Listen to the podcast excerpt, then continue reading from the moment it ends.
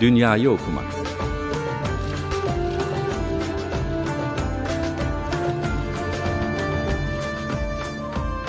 Yazarlarla, yarattıkları kahramanlar, romanlar ya da öyküler üzerine konuşmalar.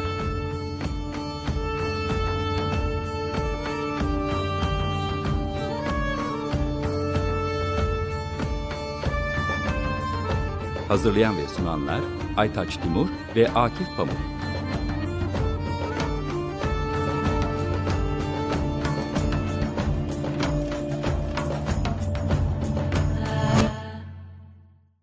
Açık Radyo'nun sevgili dinleyicileri Dünyayı Okumaktan hepinize merhaba ben Aytaç Timur. Şubat ayının bu son gününde depremin üzerinden bu kadar zaman geçtikten sonra gerçekten program yapmak zor. Hepinizin de aynı duygular içerisinde olduğunu biliyorum. Ben de son iki programımı biraz böyle deprem sonrası depremzedelere nasıl yardım edebiliriz, nasıl dokunabiliriz tadında oluşturmaya çalışıyorum. Şimdi bir konuğum var Meftun Hanım. Meftun Hanım'ın yeni bir kitabı çıktı. Ardıç Kuşu ile Renklenen Dünya. Bundan önce de iki tane çocuk kitabı yayınlamıştı kendisi. Ee, biri Muzcu Kedi, ötekisi de Arkadaşlık Denizi ama bu son kitabında son kitabında biraz e, Açık Radyo'nun dinleyicilerinde çok alışkın olduğu e, doğanın insan tarafından kirletilmesi, sömürülmesi, tahakkümü altına alınması gibi konuları kendisi öğretmende olduğu için çocuklara gayet iyi anlatmış. E, Mevlüt Hanım Açık Radyo hoş geldiniz. Teşekkür ederim, hoş bulduk. Şimdi önce şunu soracağım. E, bu Ardı Çıkışı kitabını yazmak e, nasıl esinlendiniz bu? Yani sizi e, ilk itici güç ne oldu?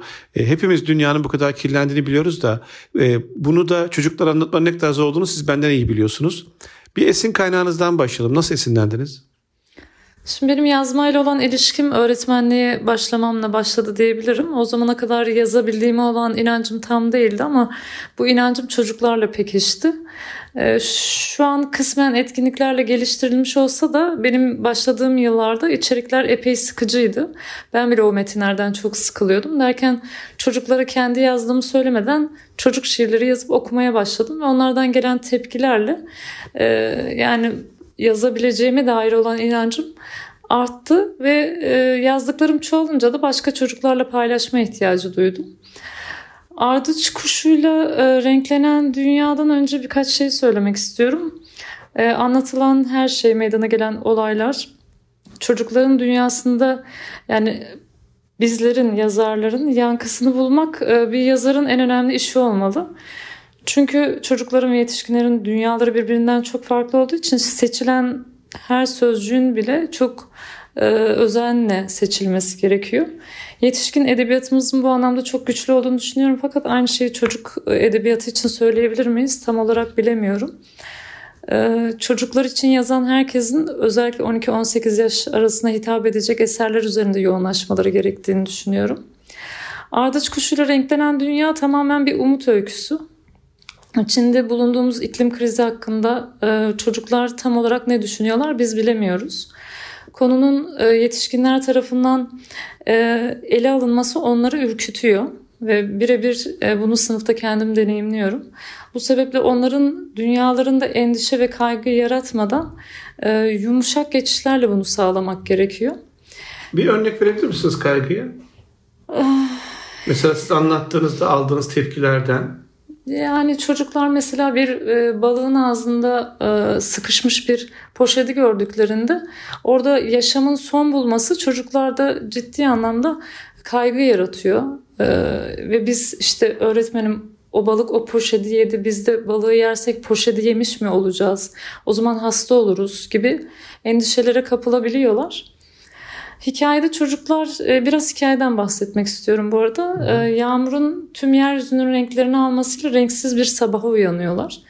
Hikayenin kahramanları Ayça verdi o yeryüzünü eski haline getirmek için renklerin peşine düşüyor. Bu arada e, yağmurun renkleri almasının sebebi de insanların doğaya vermiş oldukları Bu arada bir hayvan onlara yol gösteriyor zarar. değil mi? Çünkü her taraf bembeyaz olduğu için. Evet evet.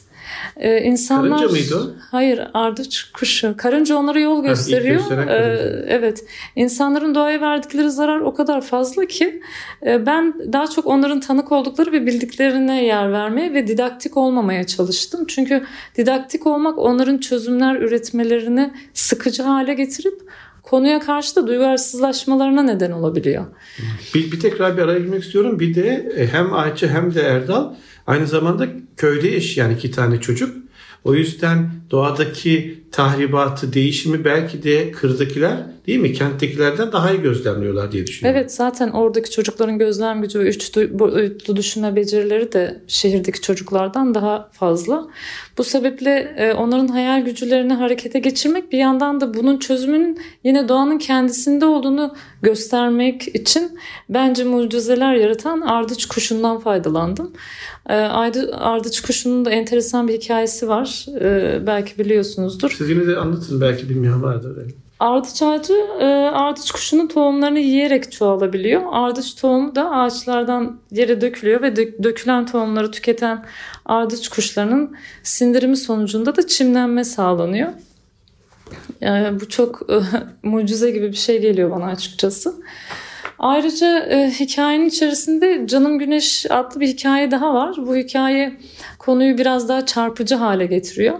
Hikayede Güneş dağlar ülkesine küsüp uzun süre onları ısıtmıyor. Bu sebeple ekinler ve çocuklar eskisi gibi büyüyemiyorlar ve e, yaşam adeta durma noktasına geliyor.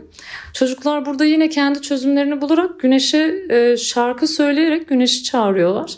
Çözümü çocuklar buluyor ve e, bu fikri de bunu günlük hayatta annesiyle ilişkisinde kullanan bir çocuk buluyor.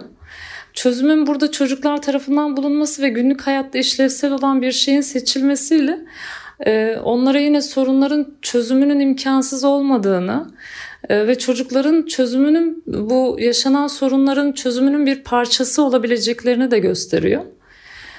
Ardıç kuşuna geri dönersek Ayça ve Erdal ardıç tohumlarına ulaşmak için e, yaşanan felaketlere dayanamayarak derin bir uykuya dalan gökyüzü kralının oğlu Mavi'ye ulaşıyorlar ve e, güneşin e, hikayesiyle Mavi'yi uyandırmayı başarıyorlar. Bir kartalın yardımıyla tabii yapıyorlar bunu değil mi? Evet. Bu da bence çok hoş bir ayrıntıydı. Kesinlikle. Kartalın sırtında oraya gitmeleri filan. Evet evet kartalın sırtında gökyüzüne yükseliyorlar. Burada tabii bir de hayvanlarla insanların yaptığı bir işbirliğini ortaya koymuş oluyorsunuz.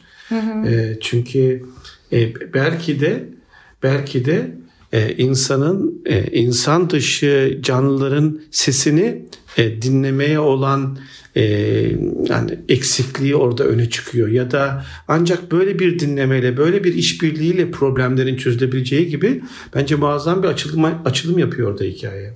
Evet evet kesinlikle bu yönüyle de çok kıymetli. Ee, ve çocuklar biliyorsunuz hayvanları, hayvanlar dünyasını çok seviyorlar. Ee, hikayede e, kendi öğrencilerime önce okutuyorum ben genelde. Çok olumlu tepkiler aldım bu anlamda da. Şimdi e, depremle ilgili e, bir de bir parantez açmak istiyorum ve çok üzgün olduğumu da ayrıca belirtmek istiyorum. Bugün e, bununla ilgili bir e, şeye karşılaştım. Yani çocuklara, depremzede çocuklara hedi- hediye edilen e, kitap e, önerileri vardı ve e, bu konuda çok seçici ve mm, özenli olmak e, gerekiyor. E, bir haberde hikayenin sonunda tüm kib- kibritlerini yakıp en sonunda donarak ölen kibritçi kız e, kitabının çocuklara hediye edildiğini okudum. Bu beni çok üzdü açıkçası. Çünkü e, şu an çocuklar e, ve iç dünyaları buna e, kesinlikle hazır değil. Bu konuda çok özenli davranmalıyız. E, ya ardıç kuşunu şu an e, depremi yaşayan çocuklar için de ayrıca uyarlayabiliriz. Evet şu an yaşadıkları yer ve kendi içleri çok renksiz olmakla birlikte bunun çözümü mümkün. Çok ağır bir yük olsa da onlar için bu hikayeyi okumak eminim bir gün kayıplarının dışında yıkıntıların kalkacağı ve e, yaşadıkları yerin eski haline döneceğine dair onlara bir umut verebilir. Ve sanırım e, şu aşamada e, bir çocuğa verebilecek en büyük hediye yaşamlarına dair bir umut vermek olabilir. Evet bu- bunu çok güzel söylediniz. Çünkü hikayede de bu e, yağan yağmur nedeniyle e, dünyada her şey beyazlaşarak yok oluyor. Tam bir yıkım hali var. Yani önünü göremiyorlar, yolu bulamıyorlar. Hatta bu Ayça ile Erdal o karınca olmasa e, hiçbir yere gidemeyecekler. Onun sayesinde iziyle, onun belki duyularının yardımıyla bir mağaraya kadar ulaşıyorlar. Bu tabi e, deprem sonrası da için geçerli. Şimdi mesela birkaç gün önce Açık Radyo'da bir program vardı. Orada e, İzmirli bir kil tabletten bahsediliyordu ve 2500 yıl sonra bir depremde İzmir yerle bir oluyor ve şey yazıyorlar kil tablete. Güzel İzmir'imizi yeniden ayağa kaldırmalıyız. Yani biz bu coğrafyada depremle yaşamayı bir şekilde öğrenmemiz gerekiyor. Evet. Bunu da geçen programda Oya Açıkan'ını konuk almıştım ben.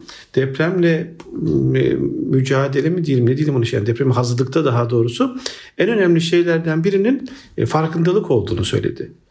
E, farkındalık halinde olmak çok önemli gerçekten. E, bu çocuklar da bunu yaşadığına göre e, çocukların da bu farkındalık halinde olması önemli. Hikayenin sonunda mutlu son var mı Meftun Hanım? Hikayenin sonunda mutlu son var. Ee, Çocuklar mavi... mutlu son mu istiyorlar? Bazen mutlu sonda olmayabilir ama e, gerçekten hayata dair umutların yeşermesi için böyle kitaplara ihtiyaç var ve ben kendi e, yazdıklarımda bunları buna yer vermeye çalışıyorum. E, şu an mesela o hikayenin sonucu mutsuz bitseydi e, çocuklar e, bir umuda dair bir şey geliştiremeyeceklerdi içlerinde. O yüzden mutlu sonla bitiyor. Dünya eskisi gibi ardıç ağacıyla, ardıç ağacı sayesinde renkleniyor. E, ben açıkçası insan kendisinin yazdığı eseri önerirken biraz acaba satıştan dolayı öneriyor mu gibi kaygılara düşüyorum ama gerçekten çocukların bunu okuduklarında sağ, onları sağaltan bir şey e, olabileceğini düşünüyorum. E, çünkü çocukların dünyaları bizden çok çok farklı. Olayları karşılama biçimleri, kimi zaman oyunlarıyla bunlara tepki vermiyorlar. Hiç etkilenmemiş gibi görünebiliyorlar ama belli bir dönemden sonra e, ciddi anlamda onların e, üzerinde ne kadar e, etkileri olduğunu görebiliyoruz. O yüzden onlara hikayelerle dokunmalıyız. Onlara şarkılarla, şiirlerle ve dokunduğumuz bu hikayeler de umut taşıyan hikayeler olmalı şu süreçte özellikle. Ee, psikolog arkadaşlarımdan da dinlediğim bu süreci yönetme konusunda onları bu şekilde dokunuşlarla e, iyileştirmeler yapabileceğimize dair öğretmen arkadaşlarıma, tüm anne ve babalara, çocuklara bu kitabı öneriyorum. Evet, e, Meftun Hanım e, burada izin verirseniz e, Açık Radyo'nun dinleyicilerine bir şarkı dinletelim. E, sonra ikinci bölüme geçeceğiz. Sizi şimdi şarkıyla baş başa bırakıyorum. Dünya okumakta şarkı aramızdan sonra e, Meftun Hanım'la konuşmaya devam ediyoruz. Şimdi Meftun Hanım iki kitabınız daha vardı. Biri Muzcu Kedi, biri Arkadaşlık Denizi. E, hafif bir kısa da ondan bahsedin de sonra biraz çocuk edebiyatı üzerine bir şey soracağım. Onların hikayeleri nasıldı? Çünkü Arkadaşlık Denizi de galiba bir çevre kitabıydı değil mi? Evet Arkadaşlık Denizi de bir çevre kitabı. Ee, dediğim gibi yaşanan e, iklim krizi ya da dünyadaki bütün felaketlere karşı e, çocukların e, nasıl hissettiğini e, anlamak biraz güç olabiliyor bazen.